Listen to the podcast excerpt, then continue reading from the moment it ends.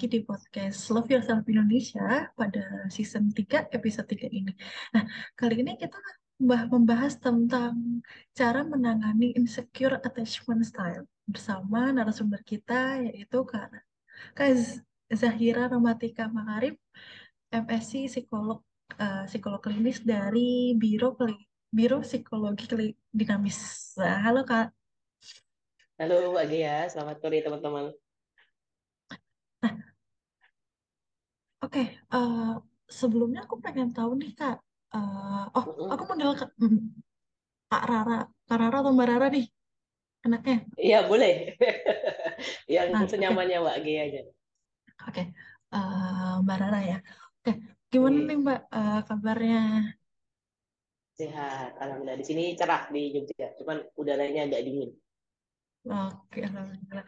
Eh, sebelum uh, kita itu akan membahas tentang cara menangani mm-hmm. cara menangani insecure attachment uh, attachment style nih. Nah, kalau uh, kalau boleh tahu awalnya uh, attachment style itu apa sih Kak? Oke, attachment style itu sendiri seperti bahasa Indonesia-nya ya, berarti gaya pelekatan. Nah, ini kita ngomong pelekatan ini maksudnya lebih spesifik terhadap pelekatan ketika kita masih kecil dengan pengasuh. Jadi mungkin tidak hanya dengan orang tua, tapi pokoknya uh, pengasuh utama kita ketika kita kecil. Terutama uh, sejak umur 0 sampai 7 tahun, kurang lebih. Gitu. Nah, uh, di attachment style atau gaya pelekatan itu sendiri di Eh, sampai saat ini dibagi menjadi dua garis besar, yaitu secure atau yang aman dan yang tidak aman atau insecure. Nah, uh, insecure sendiri itu nanti dibagi lagi menjadi tiga, gitu. Jadi uh, tadi dua garis besar, tapi kalau dispesifikkan lagi ada empat, gitu. Itulah yang dimaksud dengan gaya pelekatan dalam psikologi. Mungkin beda dengan gaya pelekatan dalam ilmu lainnya. Nah, uh, tadi uh, Mbak Rara tuh bilang kalau misalnya uh, attachment style itu ada empat. Boleh nih Kak? Mm -mm. Boleh nih Mbak uh, disebutin satu-satu sama Boleh. aku uh, tahu penjelasannya.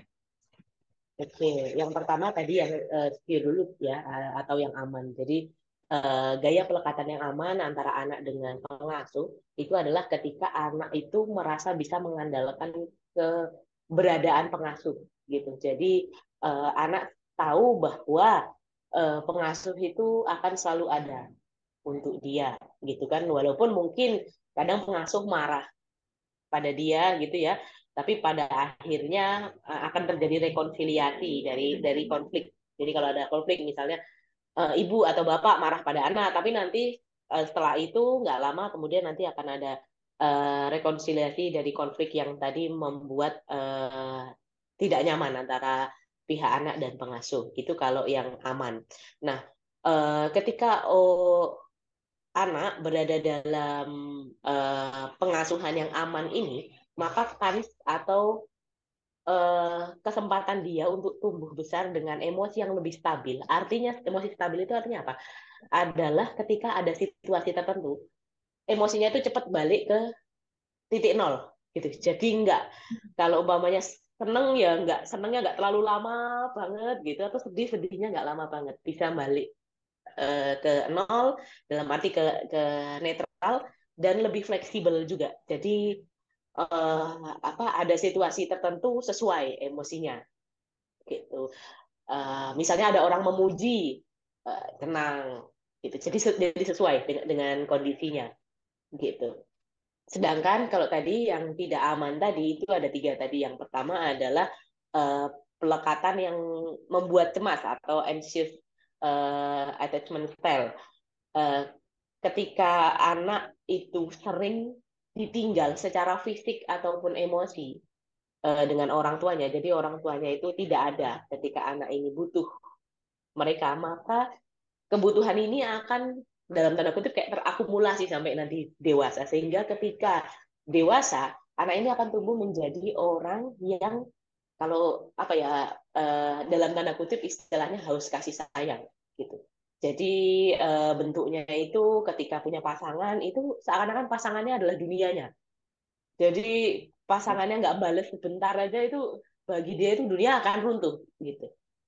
Secara logika mungkin dia tahu dunia tidak akan runtuh. Cuma secara emosi itu dia tidak mengenal uh, bahwa jeda sebentar nggak ketemu sebentar itu nggak apa-apa itu, itu, itu uh, ketika anak tumbuh di uh, anxious uh, apa situasi yang membuat dia cemas ketika kecil gitu.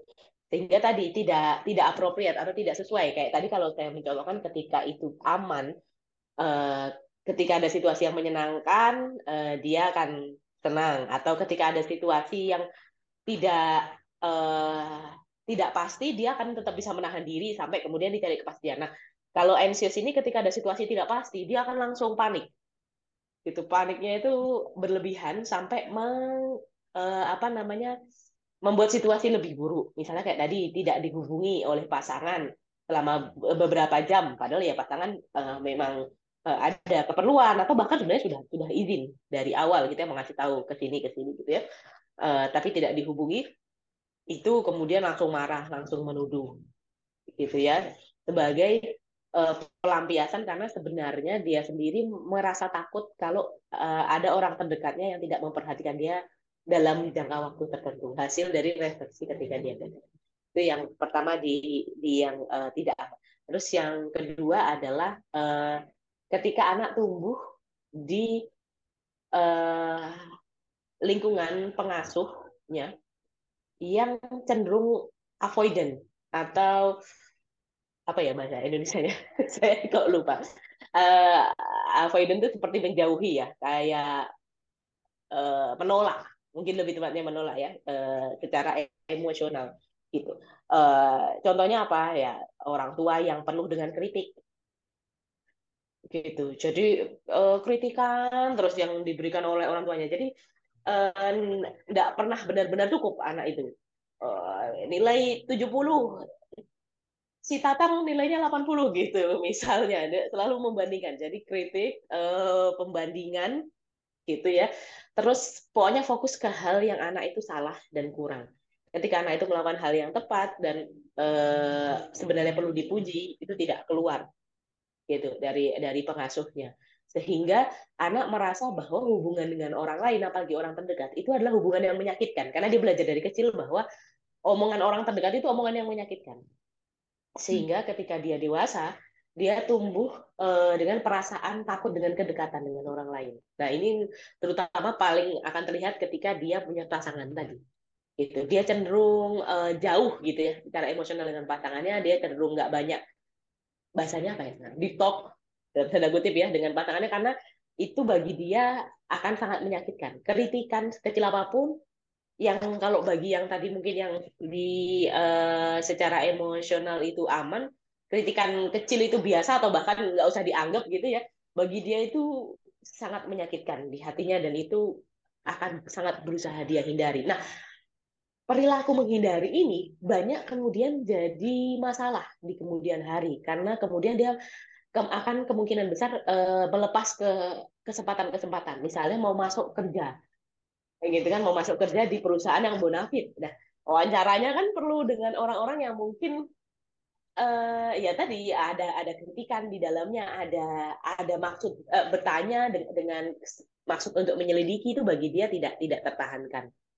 Gitu. Nah, itu kalau uh, terlalu berlebihan ya itu akhir akhirnya akan menghalangi ke kebutuhan dia sebenarnya kurang lebih sama seperti ketika ancestor itu yang kedua yang di bagian uh, apa namanya pelekatan yang tidak aman. Terus yang terakhir yang ketiga uh, gabungan antara kedua hal tadi. Nah ini lebih membingungkan dan dia bahkan bingung sama perasaannya sendiri. Jadi di satu sisi dia itu nggak mau kehilangan pasangannya gitu ya sangat clingy sangat needy gitu ya. Tapi di sisi lain uh, tadi dia nggak nggak bisa ngobrol sesuatu yang tidak menyenangkan. Padahal skill untuk ngobrol sesuatu yang sangat tidak menyenangkan itu skill yang sangat dibutuhkan di dalam berpasangan. Karena pasti akan banyak gesekan dan itu perlu diobrolkan dengan kepala dingin tanpa penghakiman gitu kan dan kemampuan untuk menoleransi perasaan tidak nyaman selama obrolan itu terjadi. Gitu. Sehingga memang ketika uh, kita mempunyai uh, gaya pelekatan yang tidak aman ini, kemungkinan besar dengan pasangan itu kita kayak gak lancar. Ini ya perjalanannya. Entah antara kemudian kita uh, merefleksi kita punya salah di sana, gitu ya, ya karena tadi kita cenderung needy atau malah cenderung menjauh atau malah campuran keduanya, atau kita selalu merasa jadi korban. Dan dua-duanya itu ketika terus-terusan diamini oleh diri sendiri, rasanya sangat tidak nyaman. Gitu. Itu uh, penjelasan singkat soal gaya pelekatan di dalam psikologi. Mbak Gia uh, menarik nih soal tentang uh, seakan-akan haus kasih sayang. Jadi uh, menjadikan pasangan itu menjadi dunia nih. Nah uh, gimana kalau misalnya nih uh, gimana Kok caranya ini, untuk uh, mengolah mengolah ketika hmm? ketika pasangan ini nggak bisa uh, hadir secara emosional emosional dan fisik. Ketika ternyata okay. si pasangan itu merasakan hal yang dia tuh udah dari kecilnya udah seperti itu di uh, lingkungan keluarganya gitu loh. Gimana maaf tolong diperdetail pertanyaannya saya belum paham. Jadi gimana uh, gimana kita mengolah mengolah rasa uh, biar lebih secure untuk okay. untuk yang uh, kita tuh punya pasangan yang nggak uh, bisa hadir secara emosional atau fisik. Oke okay, oke. Okay. Mm, ketika? Ya, ya ketika si ternyata misalnya aku nih aku nggak uh, aku tuh orangnya yang uh, udah dari dulu tuh nggak nggak uh, insecure attachment style ini ya okay, dalam lingkungan okay. keluarga. Tapi ternyata mm-hmm. ternyata aku mendapatkan pasangan yang uh, dia itu nggak bisa nih selalu hadir secara fisik dan emosional gitu. Sehingga okay, uh, okay. padahal aku tuh udah menjadikan dia tuh dunia gitu. gitu. Oke, okay. oke, okay, I see. Uh, berarti uh, kita asumsikan aja uh, pasangannya ini sebenarnya tidak selalu bisa, artinya apakah sebenarnya bisa dalam batasan normal, Mbak Gia? Skenario-nya. Mungkin uh, skenario gini, kalau uh, terkadang dia tuh hilang, hilang dua hari okay. gitu, atau tiba-tiba okay. uh, datang lagi gitu, seperti itu. Kayaknya pasangannya juga insecure ini. Kayaknya pasangan insecure itu, Mbak Iya ya, uh, hilang dalam dua hari dan tanpa ada penjelasan, itu sebenarnya adalah contoh insecure tadi, yang bagian avoidant terutama. Hmm. Dia dia menunjukkan perilaku avoidant kan. Jadi bagi dia perasaan orang lain, bahkan mungkin perasaan dia nggak penting. Kalau yang tadi, uh, tadi pertanyaannya, kalau misalnya, kalau misalnya, uh -uh. Uh, misalnya aku, aku itu uh, uh -uh. udah terdidik dari dari dari kecilnya itu uh, insecure attachment style gini ya jadi uh, ya insecure pokoknya terus ternyata dapat pasangan yang uh, serupa mungkin ya serupa jadi uh, dia itu juga kadang-kadang muncul kadang-kadang enggak gitu secara fisik dan emosional nah itu lebih Betul. baik cara mengatasi ini seperti apa nih? Oke, itu pertanyaan yang menarik ya. Nah, eh, kalau dari saya tawarkan dulu prinsip yang bisa membantu itu adalah being effective instead of being right. Jadilah orang yang efektif dibanding orang yang selalu benar. Ketika kita punya pasangan, eh, banyak dari kita cenderung ingin mempertahankan pasangan apa pun kondisinya. Gitu ya. Padahal ketika ada situasi seperti itu, apalagi kalau terutama kalau belum menikah ya dan belum punya anak gitu ya, eh, masih pacaran gitu ya, saya sangat menyarankan untuk berpikir ulang eh, meneruskan hubungan ini ke tingkat yang lebih serius gitu. Karena kalau mau ketika lebih serius maka syaratnya adalah keduanya perlu berproses tidak tidak bisa hanya salah satu.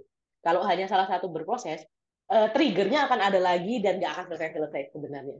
Gitu. Jadi proses dengan psikolog itu uh, mungkin akan membantu ya meringankan gitu ya, tapi mungkin bukan problem solving gitu. Itu hanya akan membantu menoleransi situasi, tapi mungkin tidak akan menyelesaikan masalah pada akarnya, gitu. Karena dua-duanya perlu belajar untuk memproses uh, situasi yang membuat nggak nyaman, belajar untuk ngobrol sesuatu yang nggak nyaman, bagaimana menoleransi uh, sensasi tubuh dan emosi ketika membicarakan sesuatu yang bagi kita nggak nyaman. Jadi nggak bisa cuma salah satu.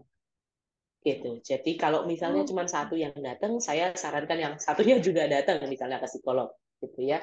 Uh, kalau mamanya menolak gitu, terutama kalau masih berpacaran ya, uh, saya sangat sarankan untuk uh, apa namanya ya being effective instead of being right lah. Secara being right-nya adalah kamu ingin mempertahankan ini sebagai bentuk bahwa kamu adalah manusia yang bermoral gitu kan, bermoral dan uh, apa namanya bekerja keras gitu ya, istilahnya dalam hubungan.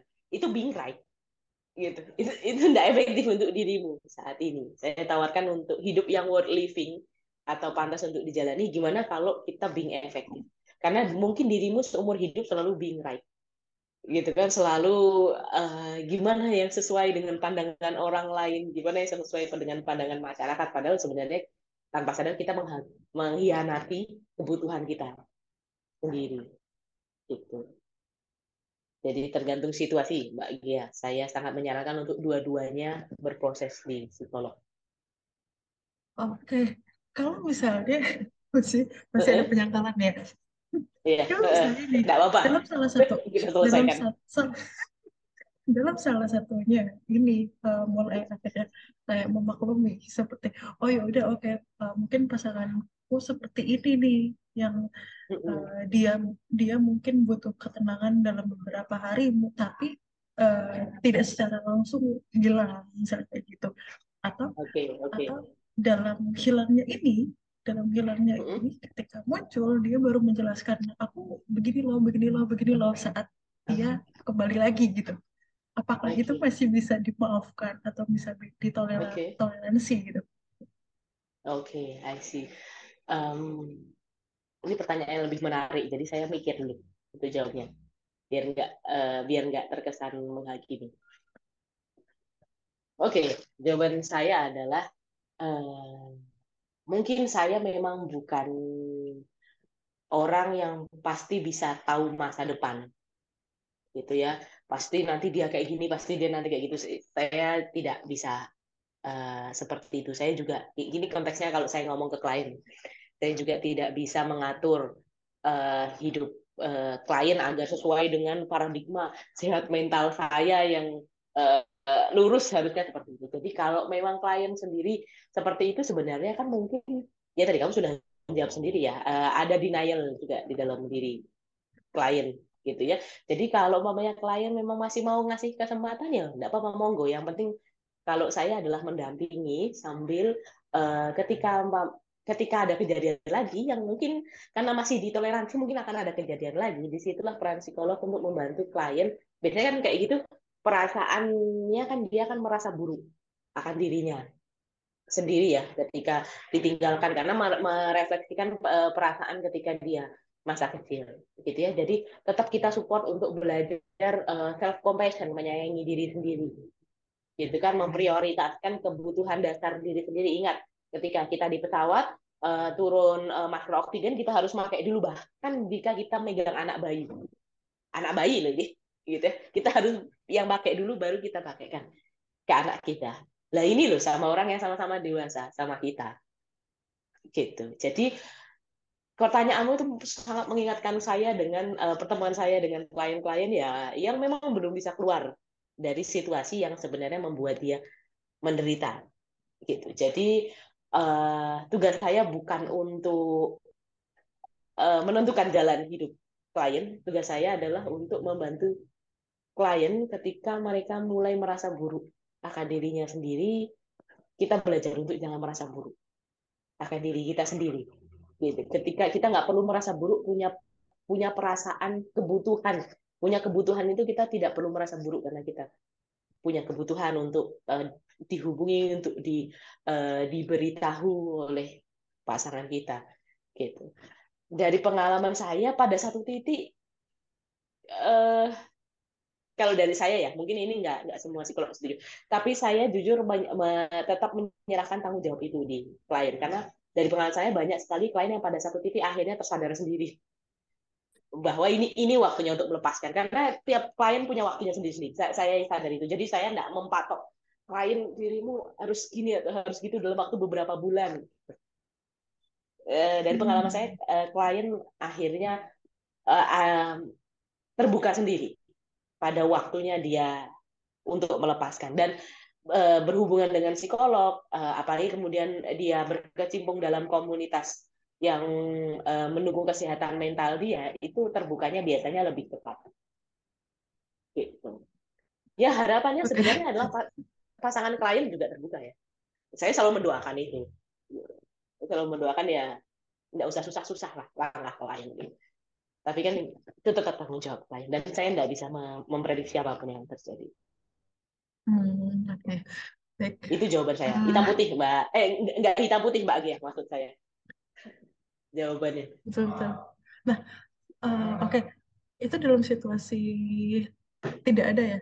Terus kalau misalnya, uh, bagaimana sih kalau misalnya mengolah, mengolah caranya mengolah perasaan cemburu atau ketakutan okay. kehilangan pasangan tersebut? Oke. Okay. Ini fokus ke orangnya ya, berarti fokus ke kliennya ya, kalau dalam konteks ya, saya betul. sebagai psikolog ya satu kliennya kita nggak membahas soal pasangannya menarik jadi kalau saya mau membahas dari segi tubuh kalau tadi Mbak Gia sempat dengar tadi saya sempat uh, ada mention soal sensasi tubuh karena Mbak Gia sebenarnya emosi itu salah satu bentuk paling dasarnya itu adalah sensasi tubuh misalnya dirimu mau uh, presentasi ke depan kelas terus agak nervous coba perhatikan pasti tubuhmu nggak rileks gitu ketika itu. Mungkin dada berdetak lebih kencang gitu kan terus mm-hmm. tubuh kayak nggak bisa diem gitu ya tangan pinginnya megang apa gitu ya kaki pinginnya gerak-gerak gitu. Tapi kalau umpamanya kamu lagi ada di dekat sahabatmu terus kalian lagi dengerin lagu yang kalian suka gitu. Kemungkinan besar dadamu nggak berdetak kencang.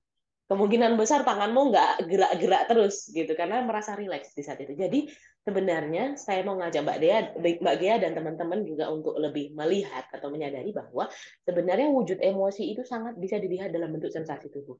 Sama seperti cemburu dan khawatir tadi, eh, dan cemas, Pak, dan cemas tadi. Pasti ada bentuknya dalam sensasi tubuh. Jadi saran saya adalah terhubunglah dengan sensasi tubuh kita masing-masing. Coba sering-sering memperhatikan gimana rasanya kakiku, tanganku, perutku, dadaku ketika ada pikiran seperti ini lewat atau ketika ada situasi seperti ini, gimana rasanya? Bisa sambil duduk atau sambil tiduran, gitu ya. Saya saya tidak menyarankan sambil berdiri ya, karena biar lebih bisa lebih rileks. Jadi duduk atau tiduran sambil memperhatikan bagian tubuh yang ada sensasi. Diperhatikan terus saja. Kalau perlu, misalnya itu ada di dada, kita bantu dengan relaksasi napas, napas dengan lebih pelan, gitu ya. Tarik lebih pelan, ngeluarin lebih pelan. Atau misalnya itu ada di bagian bahu kita uh, regangkan seperti ini terus lepas. Regangkan apa tegangkan terus lepas gitu. Kita membantu tubuh kita untuk rileks. Biasanya setelah tubuh rileks pikiran tadi itu lebih mampu untuk lewat. Jadi nggak lengket kayak lem. Terus kita bisa lebih, lebih mampu untuk memperhatikan hal lain. Nah saya sangat menyarankan untuk memperhatikan apa yang ada di depan kita. Misalnya kita ada di suatu ruangan kita bilang tugaskan ke diri sendiri diriku, ayo sebutkan benda apa saja yang ada di ruangan ini. Sebutkan aja benda itu sampai kurang lebih 10 menit, biasanya pikiran kita udah yang lain lagi. Itu itu cara hmm. untuk membantu kita memproses emosi-emosi itu. Jadi jangan takut merasakan emosi dalam bentuk sensasi tubuh. Kebanyakan orang takut atau tidak tahu ya untuk merasakan emosi dalam bentuk sensasi tubuh karena mereka merasa ketika mereka bersentuhan dengan emosi, dunia akan berakhir. Jadi, padahal bersentuhan dengan emosi itu adalah skill yang sangat penting untuk kita bisa mengarungi hidup yang worth living, yang pantas untuk dijalani. Itu jawaban saya, Mbak Gia. Panjang dikit. Uh, Pak, uh, itu kalau misalnya dalam diri sendiri ya, misalnya. Terus kalau misalnya kita cara mengkomunikasikan dengan iya. pasangan, yeah. Yeah. Uh, untuk minta minta dukungan dukungan agar apa sih minta bantuan atau dukungan untuk mengatasi si insecure attachment gitu gimana sih kak? Komunikasikan kebutuhan kita, gitu ya. Komunikasi kebutuhan kita. Kita bilang sama pasangan, ah kalau umpamanya ketika jam 10 dirimu belum sampai rumah, gitu kan, belum sampai rumah, eh, kalau dirimu ngasih tahu saya, kenapa kamu di mana gitu kan kenapa kok belum sampai rumah itu akan sangat membantu saya kalau kamu ngasih tahu saya saya nggak akan WA kamu terus menerus kalau kamu ngasih tahu saya itu akan sangat membuat saya tenang dan saya dan kita bisa berhubungan dengan lebih enak ketika saya tenang jadi ketika kita minta sesuatu ke orang lain, kasih tahu keuntungan untuk mereka itu apa sih sebenarnya? Gitu. Kenapa kok mereka uh, perlu membantu kita? Komunikasikan itu sebelum ada krisis. Jadi jangan komunikasikan ketika lagi berkonflik ya. Komunikasikan ketika hmm. lagi santai. Gitu ya, ketika lagi relax gitu. Tuh. Dan eh, sama-sama belajar sama pasangan, belajar untuk mengenal emosi itu apa. Gitu ya. Uh, belajar untuk sama-sama in touch dengan apa sensasi tubuh kita gitu jadi sering-seringlah sharing dengan pasangan soal progres-progres yang kita dapat. Gitu. Atau ilmu-ilmu misalnya di podcast ini tadi. Gitu mbak ya itu menurut saya. Nah, uh, terus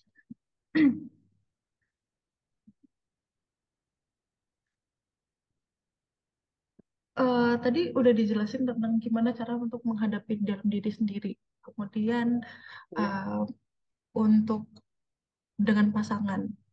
Terus ada yang kurang nih.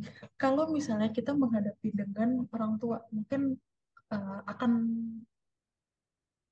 aku sendiri ngerasa itu lebih sulit ketika aku udah misalnya aku udah mulai sadar nih kalau aku kurangnya dari dari dulu tuh seperti ini.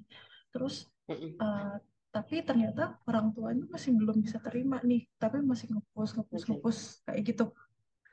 Cara memberi memberikan pengertian yang lebih baik kepada orang tua agar orang tua ini memahami apa yang kita yeah. butuhkan itu seperti apa sih mbak? Oke, okay, I see.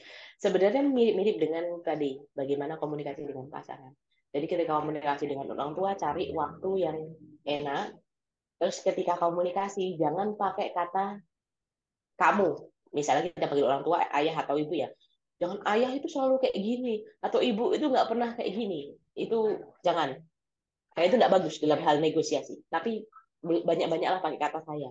Eh, ketika ada situasi seperti ini, saya itu lebih prefer uh, seperti ini karena kalau seperti ini uh, kayaknya saya lebih bisa deh menjelaskan dengan lebih jelas atau kalau umpamanya tanggapannya misalnya bentuknya seperti ini itu akan sangat membantu saya untuk lebih mau calling rumah misalnya atau lebih mau makan bersama eh, di luar rumah gitu jadi eh, tadi sama seperti dengan pasangan kita kasih kira-kira keinginan di mereka itu apa? Padahal sebenarnya kita kurang lebih tahu lah. Nah, keinginan mereka itu eh, perlu untuk dibantu dengan mereka berbuat lebih baik ke kita. Sehingga kita lebih mau berkompromi dengan keinginan mereka juga. Itu yang dinamakan kompromi. Nah, tapi memang ini menarik ya kalau soal orang tua terutama eh, banyak teman-teman kalian yang sudah mencoba dengan cara seperti ini. Ada yang berhasil, ada yang orang tuanya, eh, ada yang belum berhasil, gitu. Karena ya se, mungkin sesederhananya mungkin orang tuanya memang belum siap aja untuk berubah, walaupun anaknya sudah berubah menjadi lebih dewasa. Jadi kalau memang belum berhasil, tidak perlu menyalahkan diri sendiri. Mundurlah dari situasi itu, itu juga bisa jadi sesuatu yang bisa. Jadi tidak perlu terus-terusan kita me, apa ya mendorong terus-terusan kalau umpamanya itu malah akan membuat situasi lebih buruk. Jika memang situasi tidak bisa lebih baik lagi, mundur nggak. Mundur itu kita bisa uh, bilang iya aja terus ke ruangan yang lain atau kita bisa bilang oh kayaknya kalau kita terusin kok saya juga gak, gak enak ibu bapak juga mungkin tambah punya banyak pikiran soal situasi ini mungkin kita bisa bahas yang lain. Gitu. Jadi uh, terutama dengan orang tua ya mundur saya rasa juga bukan bukan hal yang salah. Apalagi nanti pada suatu titik uh, ketika kita sudah lebih mandiri dalam hal finansial misalnya terus kita lebih mampu mengurus uh, diri sendiri ya kita mungkin bisa tinggal terpisah gitu ya jadi uh, tidak terlalu banyak me, apa ber, berkontak gitu. Sambil ketika tinggal terpisah, mungkin pikiran kita akan lebih mampu untuk uh, memahami situasi bapak dan ibu. Memahami itu bukan berarti oh, setuju. Memahami bukan berarti langsung memaafkan. Memahami adalah memahami dan menerima maksudnya. Memahami menerima dan menerima adalah apa yang sudah terjadi di masa lalu. Tidak ingin lagi kita otak tidak ingin lagi kita ubah. Gitu karena keinginan untuk mengubah masa lalu tanpa kita sadari itu membuat rasa sakit kita makin dalam. Jadi memang merugikan diri sendiri. Itu itu being right ya. Tadi yang sempat saya bilang gitu. Aku harus tetap mengingat masa lalu gitu. Tapi tidak efektif untuk kita. Lepaskanlah being right. Tapi fokuslah ke being efektif gitu. itu untuk orang tua gitu berarti untuk uh, memilih untuk uh, memisahkan diri itu sebenarnya nggak masalah ya mbak? Ya nggak masalah. Kan itu juga sebenarnya praktek yang sangat umum. Ketika anak sudah mandiri kemudian dia berpisah dengan orang tuanya. Uh, mungkin stereotip yang ada di Indonesia mungkin uh, lebih banyak yang kayak uh, khususnya perempuan ya kalau misalnya laki-laki mungkin hmm. lebih banyak yang lebih lebih cepat bisa berpisah dengan orang tuanya kan nah kalau hmm. misalnya stereotip yang ada di Indonesia ini kan mungkin perempuan yang kadang kalau misalnya nggak dilepas nggak dilepas yeah. untuk tinggal sendiri ketika uh, yeah. si anak perempuan ini belum nikah gitu mbak mm, ya kan mm, mm, yeah. uh, berarti betul, betul. Uh, nggak bisa dikatakan egois juga ya kalau misalnya kita itu milih uh, untuk memisahkan diri aja gitu. Daripada terus-terusan berkonflik gitu ya. Betul betul. Nggak egois. Itu membantu orang tua juga biar dia nggak darah tinggi. Karena berkonflik terus. Nggak kita. Iya loh kalau dipikir-pikir. Dia marah-marah terus itu juga tidak bagus untuk kesehatan. Melihat kita itu bagi dia mungkin trigger juga dari sisi dia ya. So, ini soal pemahaman terhadap situasi orang tua tadi. Gitu. Ya memang sering ada situasi yang tidak ideal. Itu lagi kayak jawaban tadi yang uh, saya nggak bisa. Kayaknya sih gitu. ya sambil dilihat kesempatan yang bisa diambil untuk tadi untuk kalau orang tua belum bisa menerima perubahan kita. Itu. Nah, apa aja sih yang dapat dilakukan seseorang uh, untuk bisa uh, apa sih untuk membangun secure yang tadinya insecure jadi secure dalam hal ini gitu. Oke. Okay. Uh, eh, sebenarnya tadi sudah uh, sedikit banyak saya jawab ya. Uh, belajar untuk mengelola perasaan tidak nyaman di dalam tubuh kita. Oke, okay. oke. Okay. Jadi mengubah dari secure, eh, insecure ke secure itu sebenarnya kurang lebih sudah saya jawab tadi ya, uh, yaitu bagaimana mengelola emosi, terutama di dalam tubuh kita dalam bentuk sensasi tubuh, karena itu yang paling praktikal, yang bisa dilakukan uh, uh, oleh siapa pun. Lebih banyak mengobservasi diri sendiri. Jadi kayak jadikan diri sendiri kayak laboratorium gitu ya. Jadi setiap ada trigger itu apa aja yang berlangsung dalam diri terus catat. Apa pikiran kita, apa sensasi tubuh kita, apa emosi yang ketika itu muncul. Apa respon kita ketika itu catat kayak buat catat besok catat lagi catat lagi. Nanti kalau catatannya udah agak banyak misalnya dua minggu atau bahkan kalau ada yang bisa nyatet sampai sebulan bagus banget. Kita bisa lihat pola kita sendiri. Kita menganalisa. Ya kayak tadi yang saya bilang kayak kita menjadikan diri sendiri laboratorium tadi. Ketika kita sudah bisa analisa next time kita bisa buat perubahan dengan sadar. Karena kenapa kemarin itu terbentuk pola? Karena itu terbentuk dalam bentuk tidak sadar. Nah mulai mulai yang selanjutnya kita lebih sadar gitu kan. Karena ketika ada situasi kurang lebih seperti ini misalnya ketika ada situasi saya harus berangkat ke tempat A maka biasanya yang terjadi adalah ini. Maka ketika saya berangkat ke tempat A sebelumnya saya relaksasi napas dulu gitu misalnya gitu. Uh, sebelum uh, atau sebelum atau sambil berangkat ke tempat A saya sambil minum uh, sambil bawa minuman yang saya suka misalnya gitu.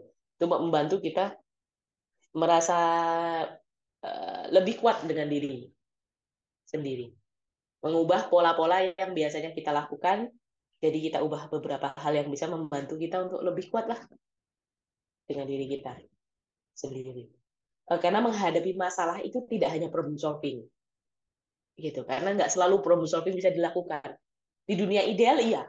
Semua problem solving bisa langsung dilakukan dalam waktu dekat. Sayangnya banyak orang yang tidak hidup dalam dunia ideal.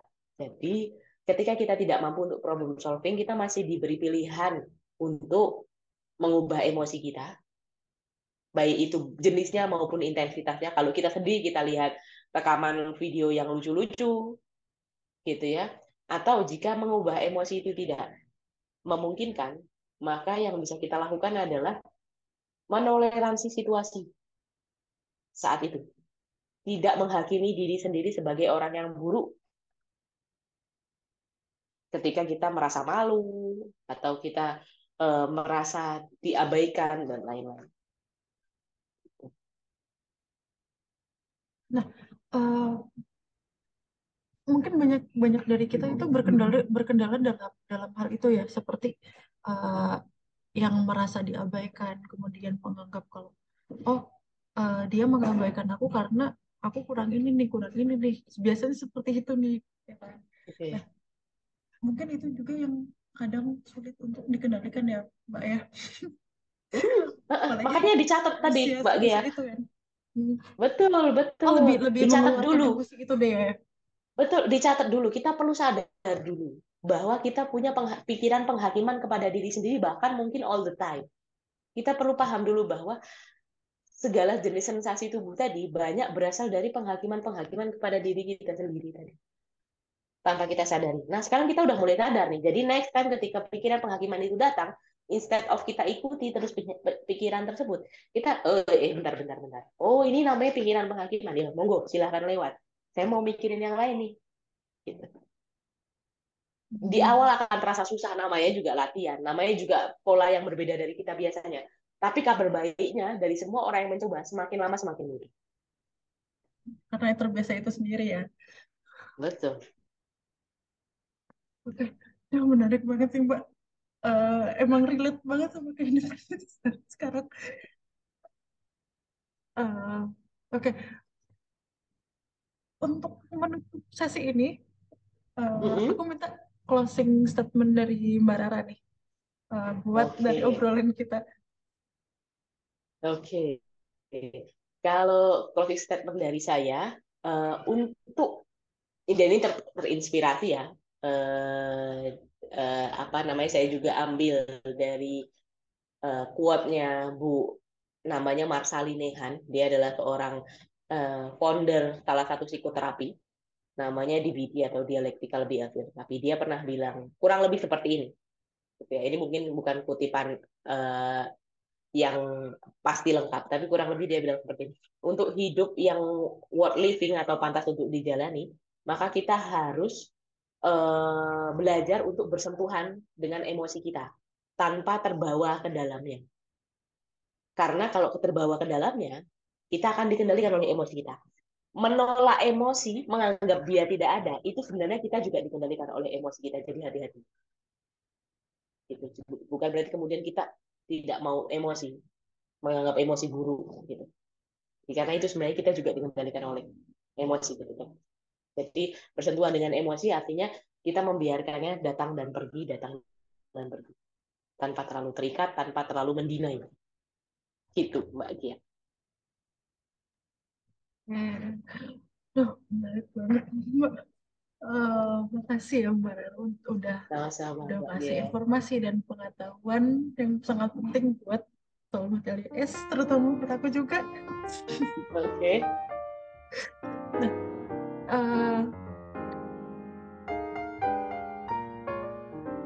terima kasih untuk Soulmate LIS yang sudah menonton dan jangan lupa ikuti video-video yang lainnya dan Soul Soulmate LIS juga bisa ngikutin Mbak Rara nih di mana Mbak untuk bisa aktivitas lagi dengan Mbak Rara.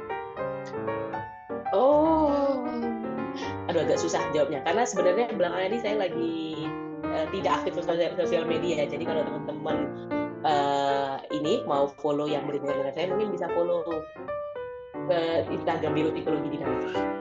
Oke, di Instagram Biro Psikologis Dinamis ya. Oke. Nah, uh, semua video-video dari Elia juga bisa didengerin di Spotify dan juga ikuti Instagram Slovios Indonesia untuk mengikuti konten-konten yang ada di Slovios Indonesia. Terima kasih untuk Sobat LS, uh, Sobat LS. Sampai jumpa kembali di video selanjutnya.